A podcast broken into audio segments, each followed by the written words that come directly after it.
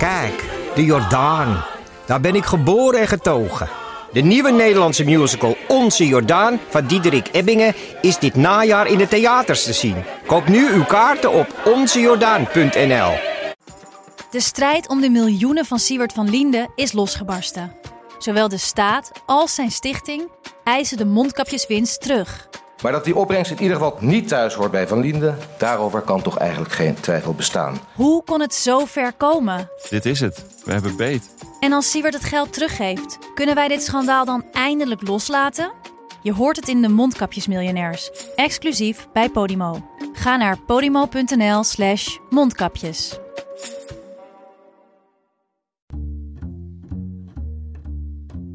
Hallo, vanaf de redactie van de Groene Amsterdammer is dit uw wekelijkse podcast. Ik ben Kees van der Bos. 35 zetels! De grootste partij van Nederland! En ik zeg jullie, Nederland, de kiezer heeft vanavond gesproken. De kiezer heeft gezegd, we zijn het zat, we zijn het spuugzat en wij willen. En daar gaan wij voor zorgen dat die Nederlander weer op één komt te staan. En het waren helemaal geen 35 zetels, het werden er 37. 12 zetels meer dan Frans Timmermans en 13 meer dan Dylan Jezelgus. Geert Wilders heeft de verkiezingen gewonnen, dat is duidelijk. Welkom in het nieuwe Nederland. Wat betekent dat? Heeft de journalistiek fouten gemaakt? Of heeft de VVD geblunderd? Of hebben we niet goed geluisterd? Dat gaan we bespreken met adjunct hoofdredacteur Joost de Vries, politiek verslaggever Koen van der Ven en redacteur Casper Thomas, die een aantal jaren geleden een boek schreef over de autoritaire verleiding. Dat boek gaat nu natuurlijk weer lopen als een tierenleer, eh, Casper. Een hoofdstukje Nederland erin dan, toch? Goed, eh, ja, eh, heren, eh, welkom in het nieuwe Nederland. Ja, welkom. Wat moeten we hiervan denken? Wat, is, wat was jullie eerste reactie, Casper? Laat ik bij jou beginnen.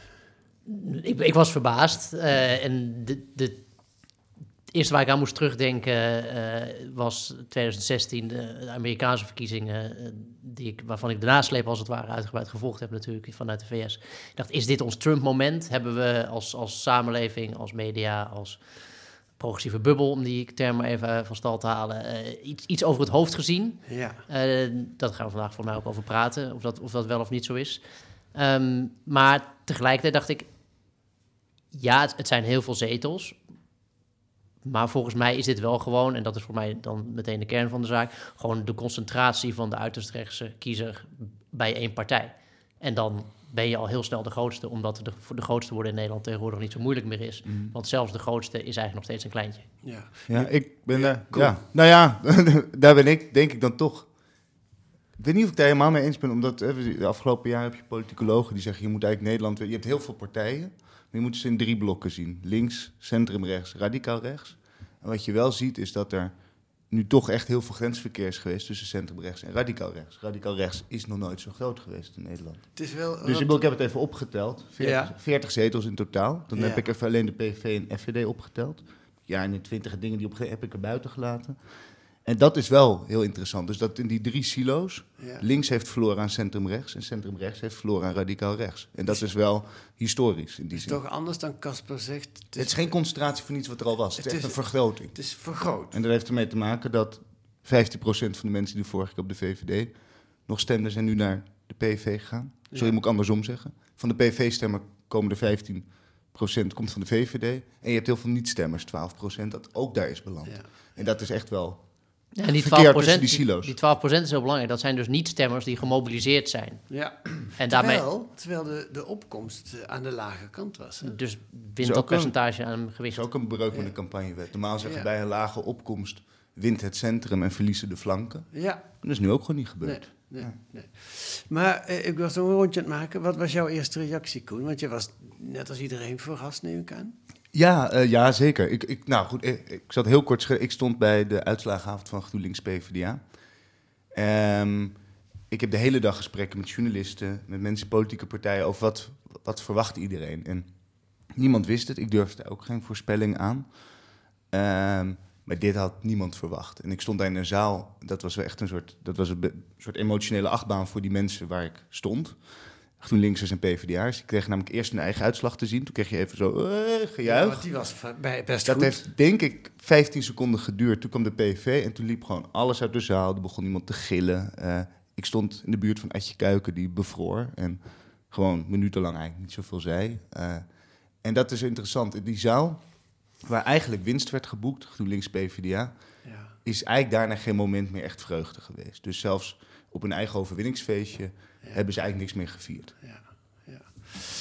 Joost, jij schreef een mooi portret van ehm, Pieter Omtzigt in, eh, in het verkiezingsnummer van de Groenen. Betekent dat ook dat je nog speciaal met, met het oog op hem naar eh, de uitslagenavond hebt gekeken? Nee, voor mij verliep het toch, toch anders. En ik denk dat dat heel veel zegt over wat de dynamiek van deze eh, verkiezingen waren. En ik denk dat het ook iets laat zien over hoe ontzettend volatiel het electoraat geworden is. Ik bedoel, een jaar geleden dachten we allemaal nog... hé, hey, misschien gaat BBB de grootste partij worden. En toen tegen de tijd dat ik ehm, dat stuk over omzicht ging schrijven... wat volgens mij nog maar twee weken geleden is dat ik, dat ik mijn deadline had... misschien iets langer... eh, leek het nog heel erg dat, dat omzicht wel echt de grootste zou worden. Maar Ja. toen ik eh, afgelopen woensdag kwam net thuis van het hardlopen en eh, ik zat op de bank. Toen dacht eigenlijk, eh, ja, ik was echt gaan hardlopen omdat ik dacht van dan hoef ik niet aan de verkiezingen te denken, weet je wel. En toen, omdat toen al in de lucht hing van gaat, gaat het Geert Wilders worden? En dat er dan met zoveel is, dat is dan even zo'n shock die je even moet wegslikken. Maar waar ik, waar ik die avond ook heel erg verbaasd over ben, en ik denk dat dat ook wel echt een, een onderwerp wordt voor ons de komende de periode, is, ja, ik, ik vond het gewoon zo opmerkelijk hoe dat ging. Jullie zullen het ook allemaal gezien hebben. Het staat, die aftelklok staat in beeld na negen uur, dat de eerste exit polls komen. En toen was het negen uur en toen zei Rob Trip zo heel tussen neus en lippen door. Nou, gaan we nu naar de uitslagen. PV is de grootste geworden. Malou, vertel, wat zijn de cijfers? Dat werd zo heel feitelijk medegedeeld. En toen daarna heb ik naar de, de NOS zitten kijken, naar die uitslagenavond.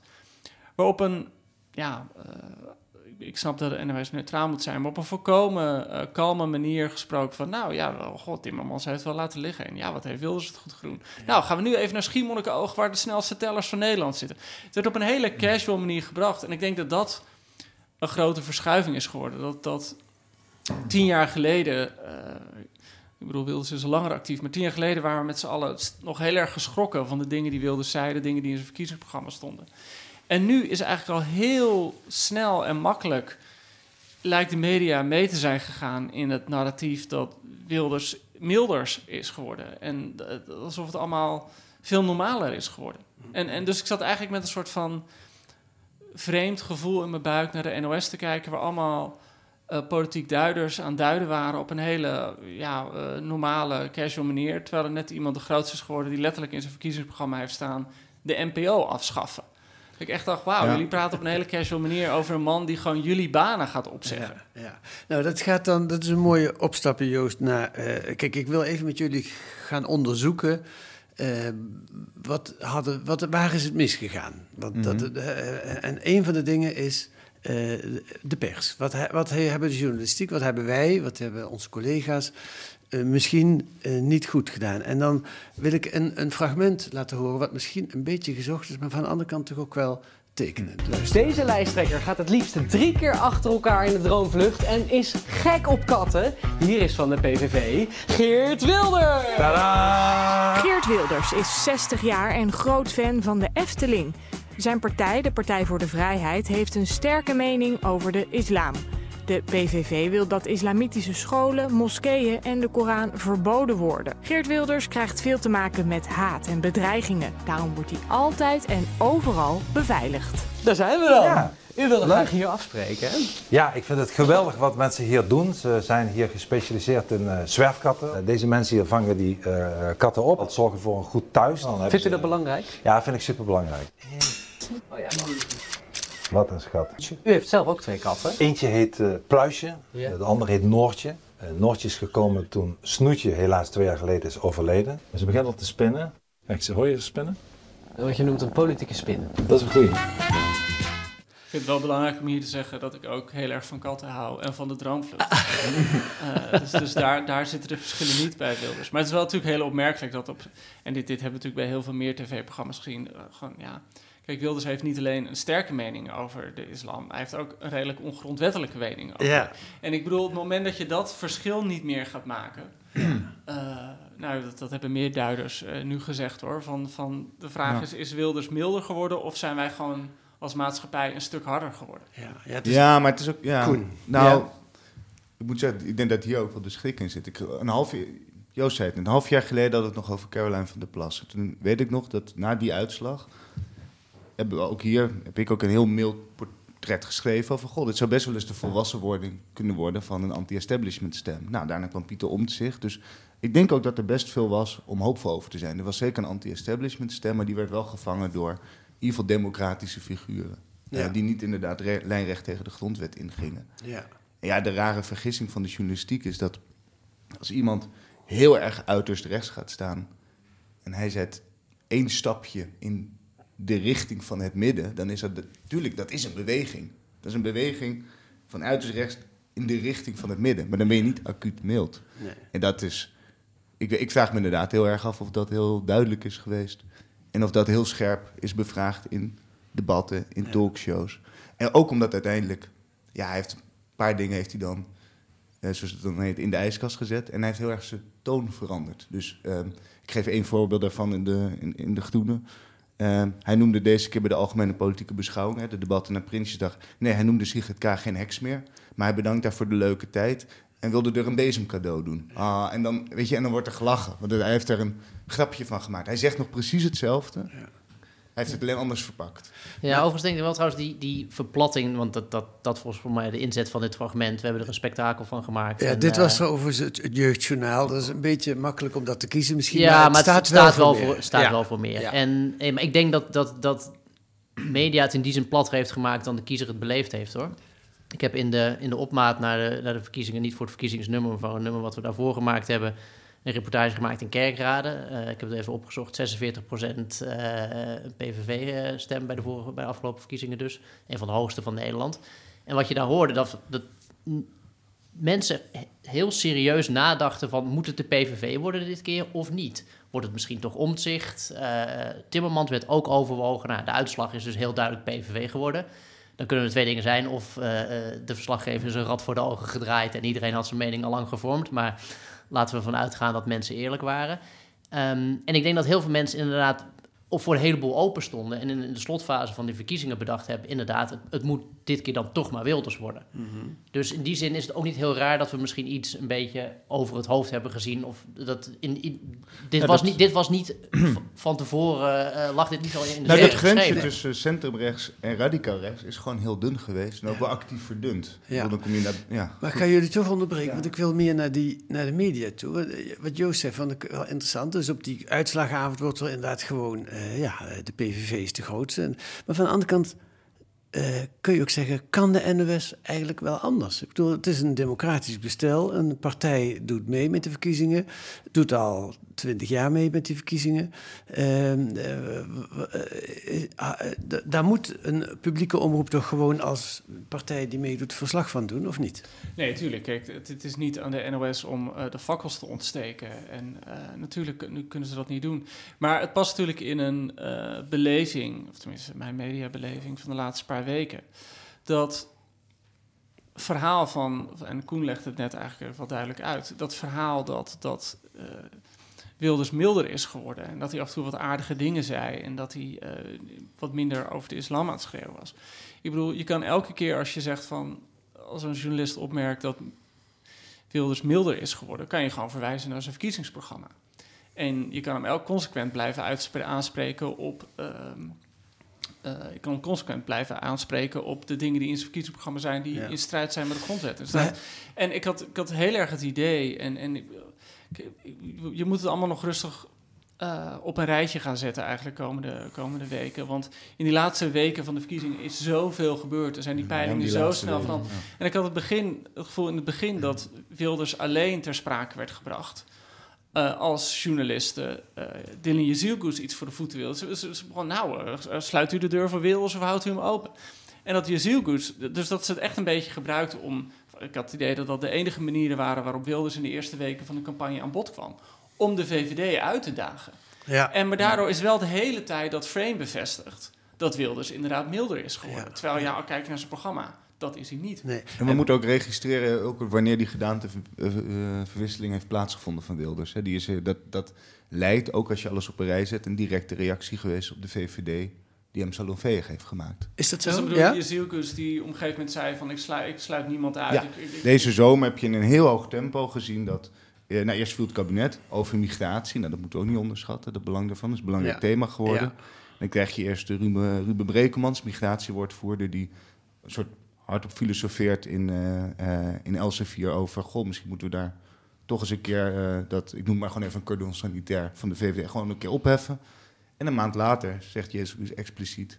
wij sluiten de PVV niet meer uit. En daar is... En daar zijn ook veel VVD'ers trouwens ook wel van geschrokken, weet ik in die tijd. Hij heeft echt met beide handen aangegrepen. Ik bedoel, hij is toen die transformatie ingegaan.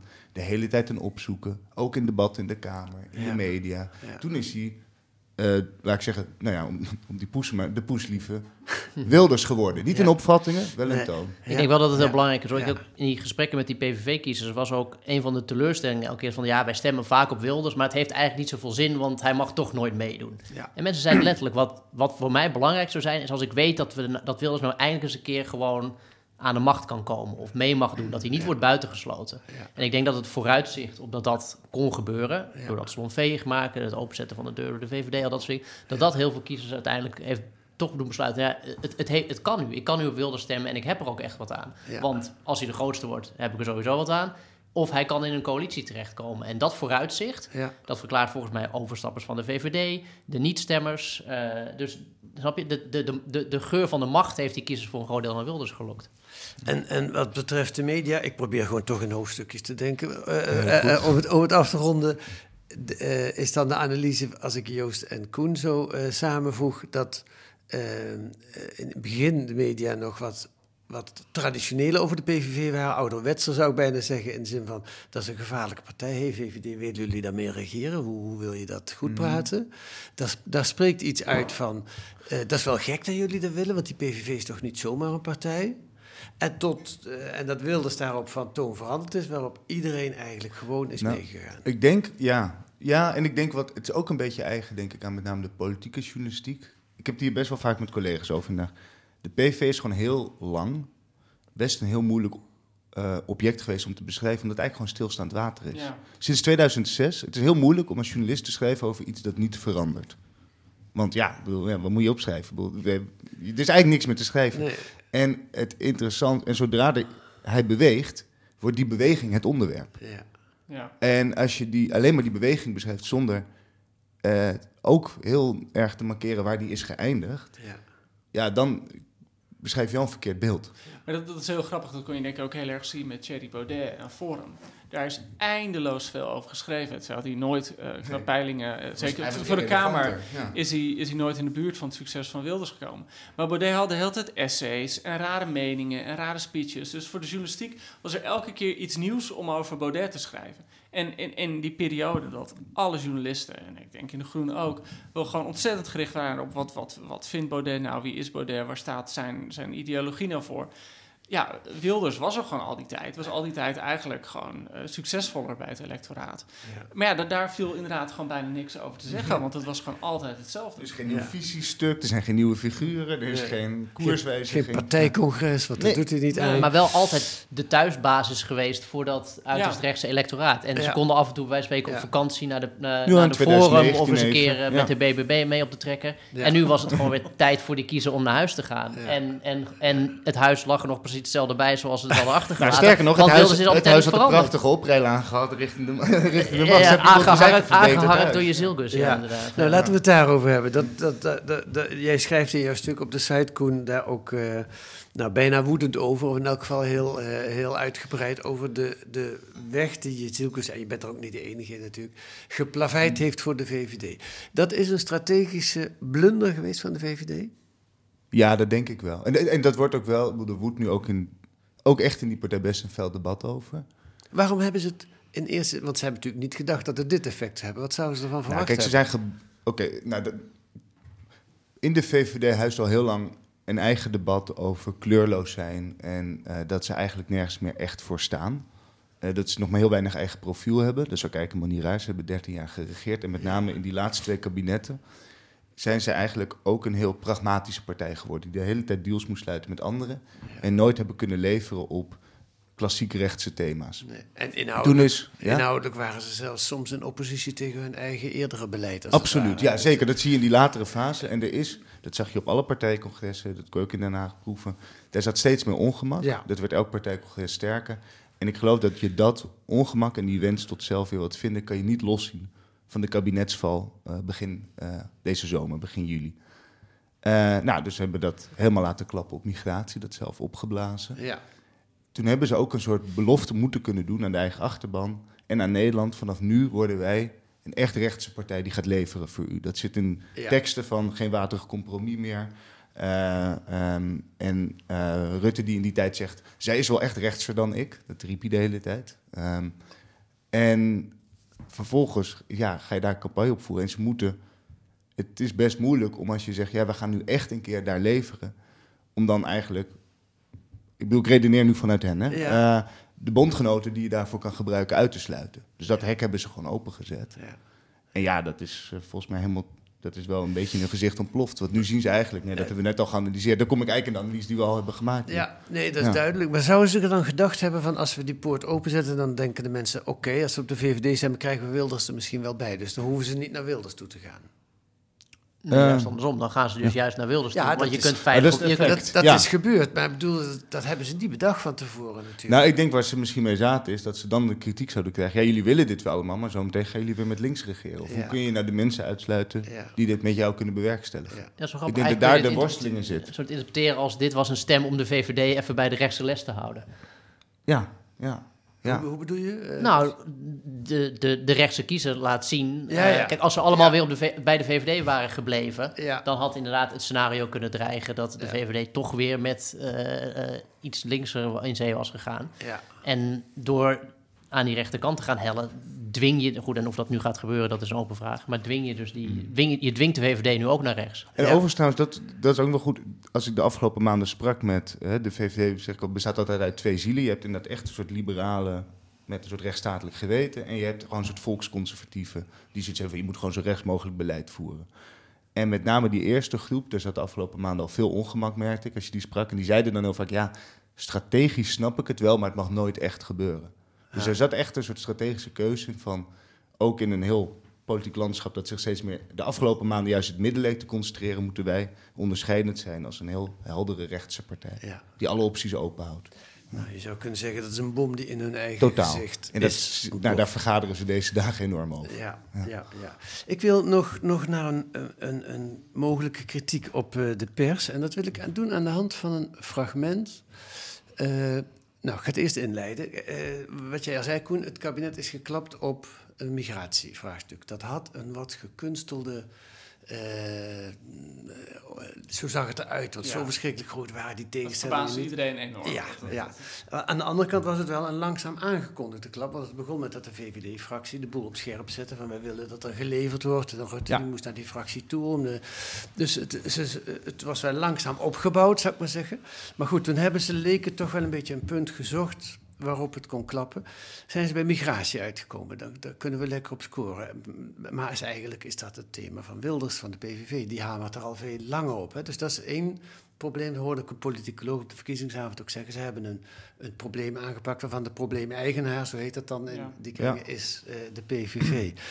Maar wat er ook is gebeurd, en dan kom ik toch ook weer bij de meeste kranten, en, en eh, nou, niet per se bij de Groenen, maar wel bij de meeste kranten uit, dat de, het migratieprobleem eh, nou, bestaat misschien wel helemaal niet. In de zin van, zoals het... eh, het is een soort frame wat gelegd wordt op een probleem. En er is één iemand in de verkiezingscampagne dat heel duidelijk zei, en dat was Maar mijn vraag was, kan er een moment zijn waarop u zegt de asielstroom moet minder?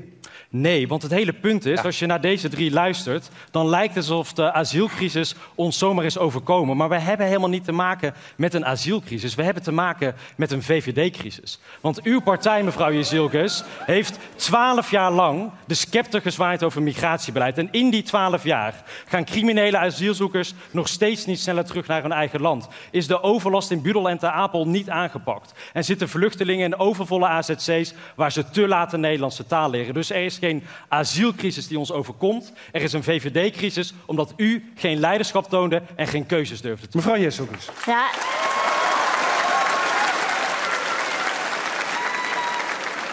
Rob Jetten in het één Vandaag debat.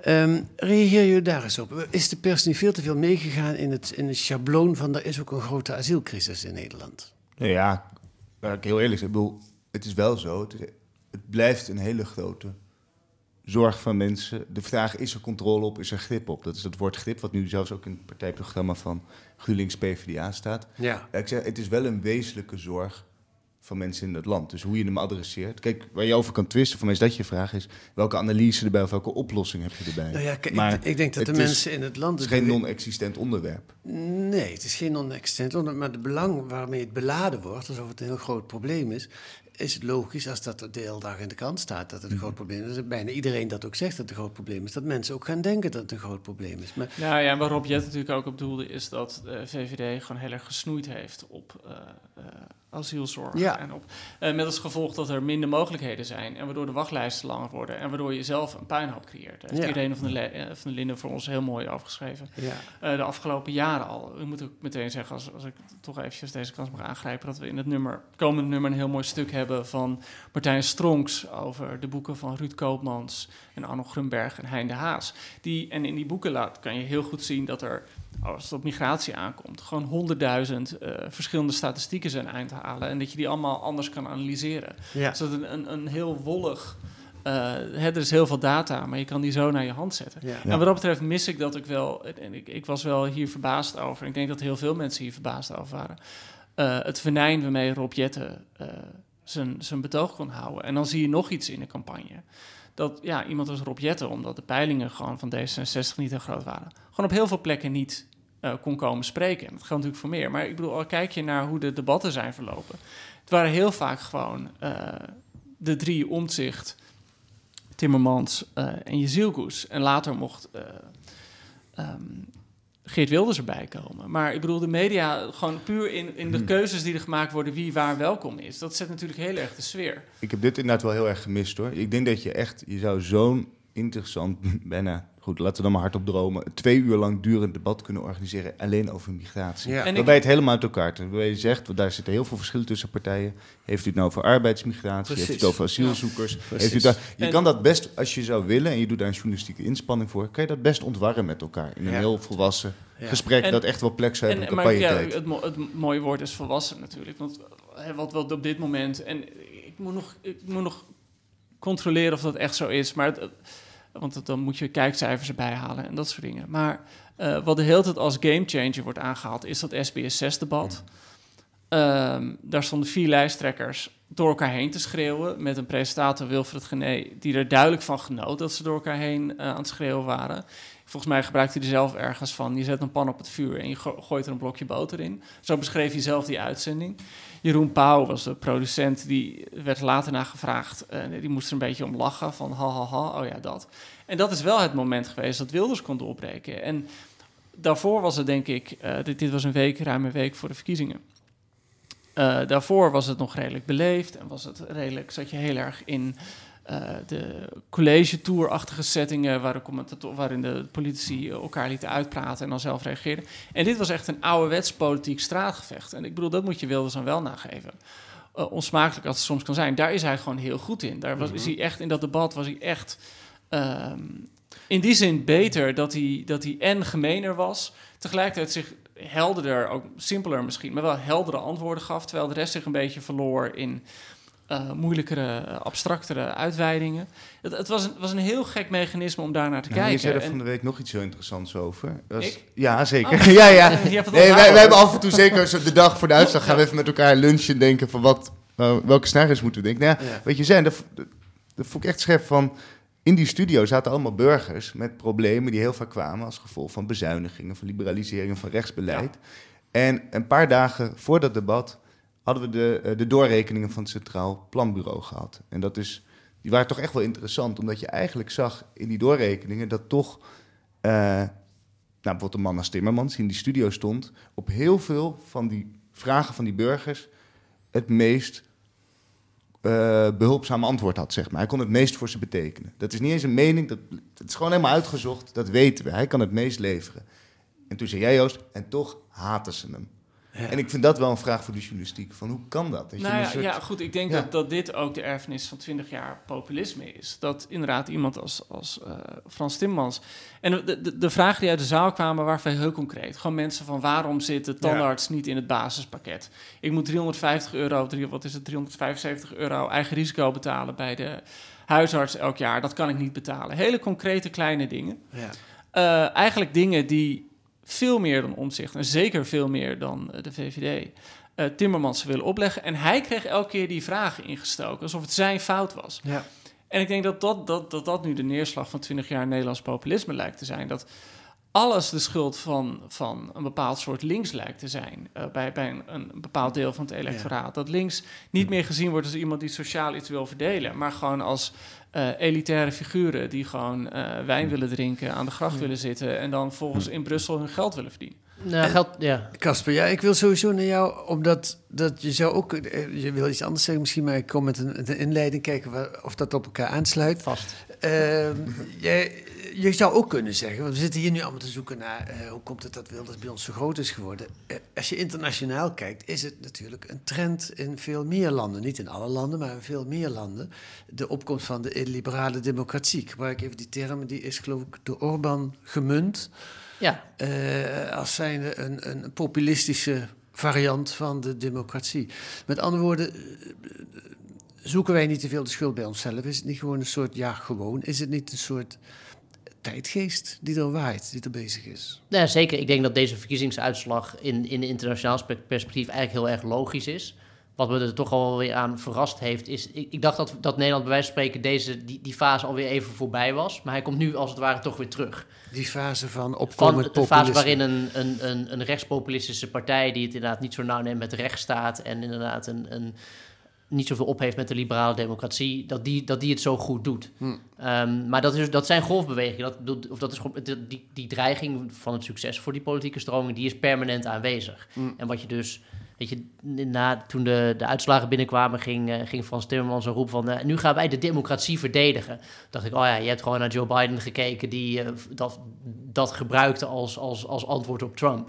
En toen dacht ik, nou ja, oké... laten we even kijken hoe groot de aanval op de democratie in Nederland echt daadwerkelijk gaat zijn. Maar goed, dat is iets voor een, voor een andere keer. Wat hier wel bij hoort, en ik denk dat dat ook wel weer samenbalt bij Wilders. Het, het afwijzen van, en dat is waar het het net ook even over ging, over de, de perceptie dat eh, de democratie de val is voor de wijndrinkers. Ik, ik eh, vat het even, even heel kort samen zoals het net ging. Dat, dat zit heel erg onder. Want dat, dat is ook een beetje dat, dat liberale deel. Dat is, dat is multicultureel, dat is gericht op klimaat, op eh, eh, rechten voor minderheden, al dat soort zaken. Eh, en er is ook gewoon, er is gewoon een groot contingent kiezers. En dat zit door alle demografieën heen. En dat is niet alleen maar een witte kiezer bijvoorbeeld. Eh, die gewoon niet, zo, niet zoveel op heeft met dat, dat sociaal-culturele pakket dat, dat erbij hoort. Waar dat toch wel een beetje de, de, de, de norm is, ook in Nederland. En het afwijzen daarvan, als je dat, als je dat goed weet te doen... en daar dan kun je op dat punt dus heel veel kiezers bij elkaar trekken. En te- interessant is wat elegant leek dat juist om zich lange tijd dat perfect wist te, te pakken. Gewoon dus inderdaad eh, sociaal-cultureel conservatieve waarden verbinden aan, nou ja, gewoon sociaal-economisch. Ja, en toen kwam dus inderdaad toch nog Wilders langs zij. Ja. En dat is ook trouwens, we hadden het net, waarom is het thema migratie nou zo saillant geworden? En volgens mij, en voor, voor mij had Wilders dat als enige echt goed door, of profiteerde als enige echt daarvan. Eh, Dat werkt alleen als je het ook nog kunt koppelen aan een algeheel gevoel van, van schaarste en tekort. Ja. Als er geen gebrek is aan betaalbare woningen, of als de zorg heel betaalbaar is, eh, of als je gewoon op alle ideeën hebt van, weet je, we zitten ruim genoeg in onze jas, dan is het heel moeilijk om aan het electoraat te verkopen dat, dat de migranten een probleem zijn. Ja. Dus in die zin denk ik dat Rob Jetten, eh, ik weet niet of dat letterlijk bedoelt, maar in die zin gelijk heeft. Dat als je dat algehele gevoel van schaarste en we hebben niet genoeg, dat is het makkelijkst. Dat, dan, dan kun je dat migratiepunt zo hard naar voren schuiven en daarvan profiteren. En dat is. Dat, en dat, want Wilders heeft wel een soort. Het zit niet in het verkiezingsprogramma. Maar die, die Wilders-kiezers die zegt ook: ja, eh, mijn pensioen komt in het gedrang. Mijn zorgkosten zijn te hoog. En daar hoor je Wilders wel over. En daar heb je, daar heb je Timmermans uiteindelijk. Volgens mij, correct me if I'm wrong, toch niet zoveel over gehoord. Nou, je hebt er wel voor gehoord, maar in een veel complexer verhaal. Ja. Dat, dat, dat, dat was een abstracter verhaal dan Ja, wat hier net werd gezegd, eh, wat, wat doen we met de tandarts? En eh, ik moet zoveel geld betalen. Ja. Gewoon dat, ja. En daar ben ik bijna zoiets van, nou, laat, laat, het dan, laat het dan nu maar zien. Ik bedoel, we, eh, ik ben heel benieuwd hoe een, een kabinet waar de PVV in zit... eh, gaat leveren op die dossiers waar die kiezer zo naar hunkert. Ja, nou daar gaan we het nog even over hebben. Maar even nog terug naar waarom ik dat punt van de asielcrisis wilde maken. Kijk, ik, ik zie ook wel dat er op een gegeven moment in Utrecht zijn de, de woningen toewijzing aan Utrechters is een tijd stopgezet om het aan eh, asielzoekers die er op hadden te, te kunnen doen. Waar de achterstand heel erg groot was. En dat staat dan groot ook in alle kranten. En dan, dan, dan, dan krijg je niet alleen beeld, dan is er ook feitelijk iets aan de hand van mensen die hun dochter of hun zoon nog graag een huis gunnen en die dat niet kunnen. Terwijl die asielzoeker krijgt dat wel. Maar wat er gebeurt en wat, waar ik vind dat de pers ook heel erg in meegegaan is. Kijk, er is natuurlijk wel een migratieprobleem in Nederland. Maar een asielprobleem, dat is Ja, maar dat is eigenlijk maar 10% van Ja, nog minder volgens mij. Ja, nog ja, veel als we kijken naar die totale cijfers, dan zijn eh, zeker politiek vluchtelingen, dat is een ongelooflijk klein deel. Ja. Je hebt het veel meer, er komen veel meer, gek genoeg was dat een punt van omzicht waar je zich zorgen over maakt, veel meer bijvoorbeeld buitenlandse studenten binnen. Dat, Eh, en- en heel veel meer- mensen die terug verhuizen, dat zit er ook nog eens bij. Dus Ja. Nederlanders die heel lang in het buitenland hebben gewoond en dan terug verhuizen naar Nederland, worden ook meegeteld. Heel veel expats, en dat Ja. zijn mensen die over het algemeen ook wel weer weggaan. Dus, dus En die- heel veel En vergis je niet, arbeidsmigranten. Ik bedoel, Arbeidsmigranten. de BBB eh, heeft ook gewoon, komt ook op voor eh, al die tuinders en eh, plekken waar tomaten moeten worden Ja. geplukt. De Ja. VVD ligt echt, heeft ook al jarenlang, moet zich verhouden tot het vraagstuk van, goh, we hebben best, ja, we hebben niet zoveel op met asielzoekers, maar we hebben wel heel veel op met arbeidsmigranten. Ja. Want dat is goedkope arbeid voor het bedrijfsleven. Ja. Snap je? Dus, Ja. en, nou ja, dan kom je terug op dat punt. Er is een heel interessant gesprek te voeren over wat voor migratie wil je. Want uiteindelijk wil bijna elke partij op de PVV na een vorm van migratie. Dus willen een andere vorm. Dat is toch interessant. Uiteindelijk hebben we toch... Is Wilders nu de grootste geworden, bedenk ik me. In, bedoel, Wilders was altijd, ging het altijd over de islam in Nederland... en de multiculturele samenleving. En op het moment dat het een verkiezing eens een keer daar niet over ging... maar over andere onderwerpen... Dan wordt Wilders ineens de grootste. Dat is nou ja, je, ziet dat Ja, Wilders het één keer geprobeerd heeft. eh, volgens mij was dat 2017, dat hij heel erg op Europa zat. Dat, dat leverde toen ook verliezen op Forum, weet je wel. Dat was niet het thema. Dus nee, dit, dit, dit was gewoon op een of andere manier... Nou, op een of andere manier. Gewoon puur door, door die strategische fout van de VVD. Ja. Door het kabinet op te blazen op migratie. Ja. En daar een hoofdonderwerp van te maken. Ja, Ja, en, zeker, en, want dat- bestaan, dat- ja. en bestaanszekerheid. We hebben altijd, we hebben, ging het over. Bestaanszekerheid is het grote thema van de verkiezingen. Ja. Dat, daar was links en rechts het over eens. Daar was de pers het over eens. En als, als dat zo is en dit is de uitkomst, dan heb ik het antwoord niet helemaal klaar over hoe, Nee. die, hoe die twee bij elkaar Nee, horen. nee. Nou, die bestaanszekerheid is voor een deel ook onklaar gemaakt doordat iedereen ervoor bleek te zijn, waardoor het veel minder eh, een, een, een verdelend thema Ja, maar toch hebben veel kiezers toch het gevoel gehad van... eh, het water, ik vind het te duur worden, het water staat Ja, me aan de lip, et cetera. En Ja. ik kom daar, ik, op een of andere manier zijn ze toch voor een groot deel... Bij, nou, het is niet dat iedereen op Wilders heeft gestemd. Ik, bedoel, ik, vind dat, Nee. ik zei dat aan het begin even, dat- ik vind dat toch wel belangrijk om te benadrukken. Ja. Het blijft wel een kleine winnaar Ja. in historisch perspectief. Maar en ik weet wel dat dat de soort democratie is waarin we nu leven, dat de grootste altijd klein is. Ja. Maar Mm. Het is niet dat het, blijft, het is nog steeds gewoon een minderheid van Nederland. Goed. Ja. Laten we eh, tot slot van deze podcast naar de toekomst kijken. Hoe moeten we. Kijk, één ding. eh Evert zei dat van de week. eh, een, een verkiezingsoverwinning van Wilders is goed voor de journalistiek. Want, want Trump, toen die eh, won, heeft de New York Times verschrikkelijk veel nieuwe abonnees. De Trump bump. werd dat Ja, ja, Ja, ja. dat is wel waar. Ehm, maar hoe moeten we, of hoe, hoe, hoe de, laat daar je gedachten eens over gaan. Hoe moeten we hier nu, wat kunnen we verwachten en hoe moeten we ermee omgaan? Ik, ja. Koen, begin jij.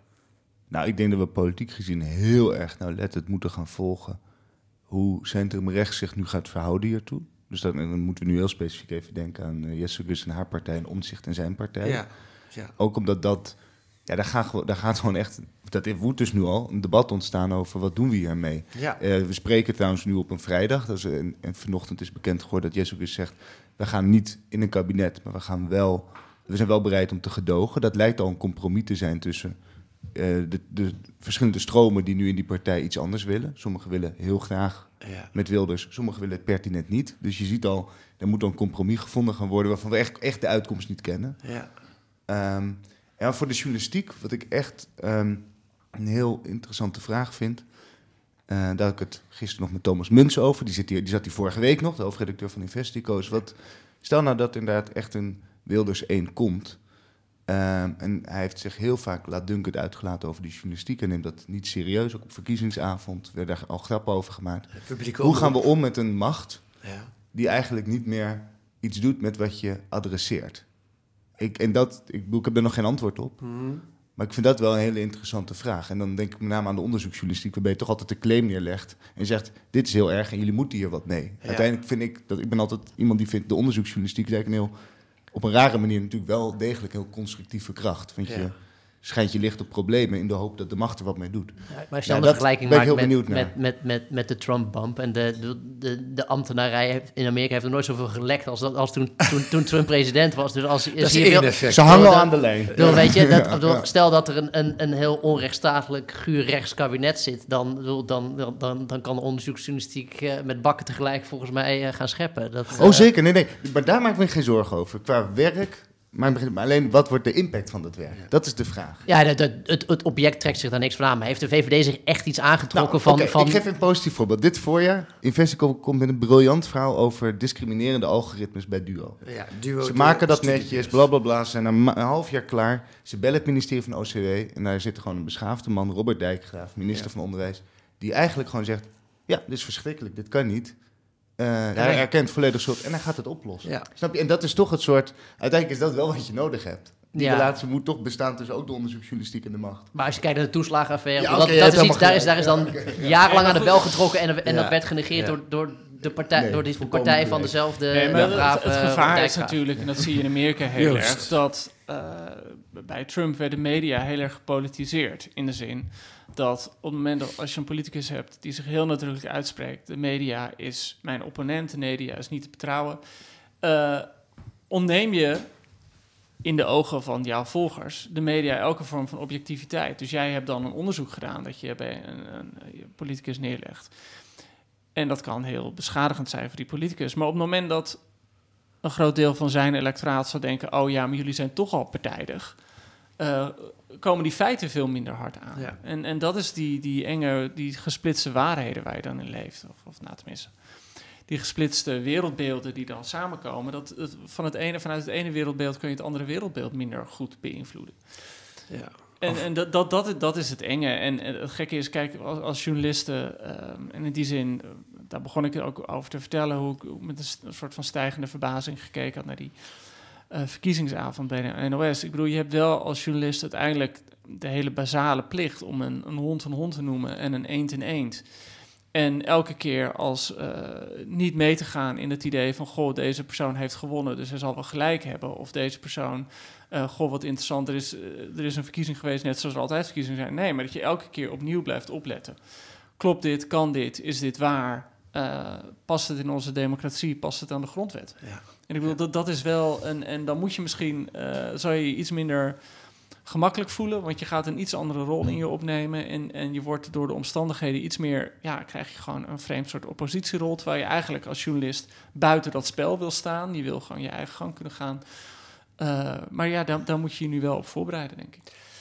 Oké, en verandert er voor de Groenen nog iets? Of, of blijft dat... De, de, eh, de Groenen was al niet zo eh, van het volgen van frames die door politici opgelegd worden. Of, maar gaat, dan, gaat dit voor de Groenen iets, een, eh, iets nieuws betekenen? Nou ja, de, de, zoektocht, denk ik, maar dat, is, dat zal niet voor de Groenen exclusief zijn. Maar ik vind dat we daar wel mee bezig zijn geweest en dat we daarmee door kunnen.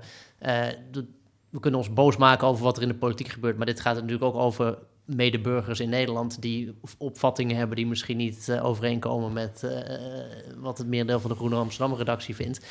Je toch weer opnieuw probeert te verdiepen in eh, eh, wat er speelt in Kerkrade, bij wijze van spreken. Dat, Ja. dat gaat nu gebeuren. En ik hoop dat Koen eh, op de PVV-kamer gaat hangen. Want eh, de, de, de, de, de, de anti-liberale Ja. kringverjaardag, eh, daar wil ik wel over lezen. Ja.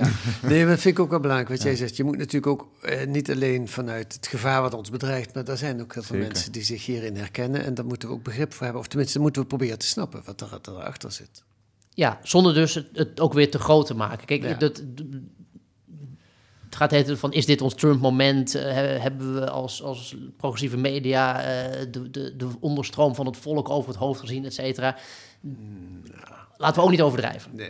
Ja, Dat nee, was- dat vind ik ook. Ik bedoel, dit is ook Nee. heel anders dan 2002. Toen iedereen zo van, ho, ho. eh, Fortuyn, eh, toen met ja. Fortuyn. Ja. Toen was het echt Ja. zo van, oh, dat wisten we niet. En nu weten we het. We weten al heel lang dat deze sentimenten bij een groot deel van het electoraat gebleven. Ja, een van de grote veranderingen in de journalistiek is dat we sindsdien die, die irritante voxpops in het NOS-journaal eh, Ja. hebben. Als, als Hm. zogenaamde truc om het volk ook eh, iets. eh, Ja, misschien we zijn te veel, media is te veel misschien gaan overhellen naar de andere kant. Eh, Juist als reactie inderdaad op de uh, Fortuin-revolte destijds. Maar goed, het is ook een beetje flauw om te zeggen, ben- ja. bij de Groenen doen we alles goed, dus we gaan door met wat we deden. Dus ik vind Ja, het wel dat we eigenlijk iets moeten verzinnen van eh, dat... dat nee, dat maar toch- ik, nee, maar ik denk daar zit een wezenlijk verschil tussen. Kijk, kijk, als je het heel slecht nu doet als journalistiek, dan ga je alleen nog maar eh, die SB6-debat herhalen. Dan ga je alleen maar dat doen. Dus Ja. gewoon up, microfoon open, nou, eh, allemaal boos en dan zeggen heel Emotie, En, dus, en dan kijk je naar de politie, allemaal zakkenvullers, maar ik ben het wel eens, er zit natuurlijk heel wat tussen. En dat is net wat Casper beschrijft. Je kan heel onderzoekend Nederland doortrekken om echt gewoon te kijken, oké, wat is er dan? Ik Nee, bedoel, ja, plus dan dan de vraag ook Ja. echt, stel dat dit echt gaat gebeuren, en dat is nu nog een stel, omdat we nog in de formatieperiode zitten. Als dit een daadwerkelijke andere samenstelling van de macht in Den Haag gaat zijn, Mhm. dan is het gewoon heel belangrijk om te kijken hoe dat gepercipieerd gaat worden door, door die kiezers die daarvoor gestemd hebben. Want die zijn dan nu eindelijk aan de macht. Ja. Dan wil ik gewoon echt heel graag weten of ze ook gewoon of ze enigszins blij gaan zijn met het resultaat, of dat het een grote teleurstelling blijkt. Wat, wat we in elk geval in Nederland niet hebben, eh, zeg ik nu maar even, en in bijvoorbeeld de Verenigde Staten wel, is dat je, je hebt daar die, die, die scheiding in ongeveer twee groepen die niet zo heel veel van elkaar verschillen in grootte, maar die wel totaal andere media gebruiken. Eh, eh, volgens mij, eh, Casper, kijk naar jou of ik het allemaal Ja. Dat klopt. En dat is in Nederland natuurlijk nog veel, daar heb je dat veel minder. Daar heb je nog, heb je wel de Telegraaf en de Volkskrant en dergelijke, maar je hebt toch minder eh, totaal andere visies in, in, in totaal andere media. We leven inderdaad niet in Nederland in, in zulke gescheiden werelden als, als die situatie die je net schetst in de VS inderdaad. Wat Ja. niet betekent dat, dat de Groene Amsterdammer overal gelezen wordt, helaas. Nee. Maar, eh, nee, dus, Maar, je, klopt, je wil, ja. ik wil bijvoorbeeld nu ook wel weten, en dan moet je als journalistiek verslag gaan doen van de journalistiek, hoe, hoe, gaat, hoe gaat de publieke omroep om Ja. met, deze, met, met deze nieuwe politieke realiteit? Ja, Nou, hoe gaat de Telegraaf ermee om? Ik weet dat bijvoorbeeld met de opkomst van Fortuyn heeft de Telegraaf bijvoorbeeld een heel principieel afkerende houding ook lang gehad. Eh, die is op een gegeven moment ook weer opgegeven of zo. Ik ben heel, maar dat Ja, is, ja. ja. Maar het is waar, we hebben nog gelukkig gedeelde waarheden hoor in dit land. Ja. Goed, tot slot een heel kort rondje. Premier Wilders, is dat voorstelbaar, eh, Joost? Ehm, ja, ja. Ik, ik bedoel, het gekke is, nu net is het bal geopend en eh, is er een verkenner aangewezen en, en ga je kijken wat er gaat gebeuren. Maar een minderheidskabinet lijkt nu heel eh, nabij, Eh, heel haalbaar. En ik zit nu voor mezelf de af te vragen van, had ik me dit tien jaar geleden kunnen voorstellen? Nou ja, goed, eh, ik had denk ik hetzelfde als Casper. 2016 was echt zo'n moment, denk ik voor iedereen, dat ik opeens weet dat dat heel veel dingen waar je dacht blind van uit te kunnen gaan, eh, blijken niet zo te zijn. En met Wilders, ja, in 22 jaar tijd, is hij, of in 15 jaar tijd, is hij natuurlijk heel salonveeg geworden. Is hij eh, benaderbaarder geworden voor heel veel mensen. En, en dit is nu het Nederland waar we in leven. En of dat een nieuw Nederland is, dat weet ik nog niet. Ik, ik bedoel, ik, ik, gek genoeg, meer dan in Amerika ben ik wel iemand die vertrouwen heeft in eh, de checks en balances die we in Den Haag hebben. En eh, anders dan Amerika bijvoorbeeld, waar de president, nou Casper, jij weet het beter dan ik, volgens mij 1500 hoge ambtenaren mag aannemen. Eh, En iedereen mag ontslaan als En dat iedereen mag zinnen. ontslaan. Ik bedoel, die macht heeft een premier Ja. in Nederland niet. Dus Nee. dat gaan we beleven en meemaken. Daar ben ik ook heel benieuwd naar. Want ik bedoel, nou de am- de ambtenarij in Nederland noemen we ook wel eens een, een leemlaag. Eh, inderdaad, die, die ontsla je veel minder makkelijk. Daar kom je minder makkelijk vanaf. Mm. Wat ik denk ook wel interessant vind, is dat... Oké, er, zijn, er zijn kabinetten te vormen met Wilders. Maar ik ben heel erg benieuwd... Wetmatig kan hij niet zoveel. Als je kijkt wat, er, wat hij in de Senaat nodig heeft... Je gaat het uitrekenen, dat wordt echt heel ingewikkeld. En, en dan bedoel ik, kijk, niet als je iets wil doen aan bestaanszekerheid of een minimumloon of dat soort dingen. Dus daar moet trouwens een heel groot deel van de Kamer zich toe vouwen. Gaan we met hem wel Ja. sociaal beleid voeren. Al die hele eh antirechtsstatelijke dingen, die kan je niet eens door twee kamers krijgen op dit moment. En dan ben ik heel erg benieuwd, daar heb ik geen antwoord op, maar dat is gewoon een vraag die mij wel gaat bezighouden de komende tijd. Stel je krijgt een premier Wilders, die inderdaad wetmatig niet zo heel veel kan. Wat kan je gewoon met puur een ministerie bezetten? Je kan wel ambtsinstructies maken, je kan wel bepaalde dingen geen prioriteit geven en wel prioriteit. Ik ben heel erg benieuwd van wat is de, gewoon de bestuurlijke impact van enige tijd Wilders. En het werd al een keer gemarkeerd in dit gesprek. ja, iedereen verwachtte ook gewoon toch wel weer heel snel verkiezingen op een gegeven moment. Ja, omdat het zo, Omdat het zo ingewikkeld wordt. Ja, en ingewikkeld wordt. Nou ja- Kasper, heb jij er nog iets als laatste aan toe te voegen? Ja, ik, als er inderdaad een premier Wilders komt, en dan is dat natuurlijk ook onze vertegenwoordiging naar de wereld toe. Eh, we gaan 2024 tegemoet met Amerikaanse verkiezingen. Stel, Trump zit daar weer, krijg je dan, gaan die elkaars handen schudden in, in Den Haag en in Washington. Ehm, los daarvan, ik kreeg ook berichtjes van, van, van, mijn, niet, van mijn buitenlandse vrienden van... wat is er gebeurd bij jullie? Ik dacht dat jullie zo'n progressief land waren. Ik dacht, ja, dat komt omdat jouw beeld van Nederland eh, twintig jaar achterloopt op de, op de realiteit. Maar het gaat ons aanzien, het gaat de reputatie van Nederland in de wereld als pro-Europees land, uiteindelijk onder de streep weet je altijd ongeveer waar je aan toe bent. Eh, dat zal dat veranderen. Ehm, ik denk niet per se ten goede misschien. En het zal, we zijn in, misschien eens aantrekkelijk of interessant voor andere landen. Ehm, maar goed, dus dat, ja, onze aangezicht gaat er gewoon door veranderen. Als, als, als dit gebeurt, hè, en dan is de vraag hoe lang duurt het en wat komt er maar goed. Dat is allemaal het van is- laten zorgen. En als het niet gebeurt, moet je ook je afvragen wat er dan gebeurt. Ja. Dus stel Wilders Ja. wordt nu niet, hij krijgt niet die macht, hij wordt dat niet. Nee. Wat doet dat? En hij gaat Ja. zeker anderen de schuld daarvan geven dat het Ja. niet gelukt is. Precies. En wie gelooft dat dan? Maar goed, het, belang- het sterkste beeld komt toch van jou, Casper, in mijn hoofd. Ik zie daar zo'n handenschuddende Trump met, met eh, Wilders eh, staan. Dat is toch een, een, een vrij bijzondere foto, gaat dat opleveren.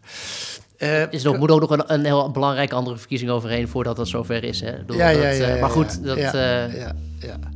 Casper Thomas, als laatste. Koen van der Ven, de politiek verslaggever. En eh, Joost de Vries, eh, adjunct hoofdredacteur. Dank jullie wel. En eh, nou, we gaan er nog veel over spreken in de toekomst, denk ik.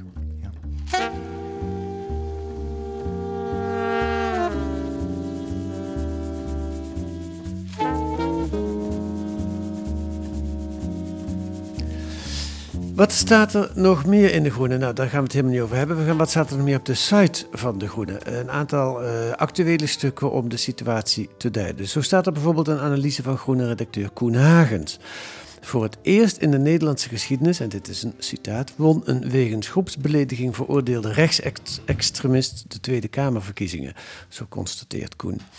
De bedenken van de kop voor de tax, het Polenmeldpunt en minder, minder Marokkanen. Maar hij lijkt overal mee weg te komen. Net zoals zijn nieuwste vinding, de milde toon. Ach, we hebben het besproken. En Marcel ten Hoven stelt dat deze aardverschuiving naar ultrarechtse formatie op scherp zet. De sleutel ligt bij Omtzigts NSC. Houdt deze partij haar blokkade van Wilders vol. Na omzicht uitspraak dat het land toch bestuurd zal moeten worden, doet het ergste vrees. Maar ook dat gaan we allemaal eh, zien de komende dagen en weken en maanden misschien. Wilt u reageren op deze podcast, dan kan dat via de mail. Ons adres is podcast.groene.nl. Volgende week zijn we er weer, dan met een reguliere auteur van een regulier artikel in, eh, in De Groene van volgende week. Deze week werd de podcast gemaakt door Claire Venema en Kees van der Bos. De muziek is het Tune for N van Paul van Kemenade. Tot volgende week.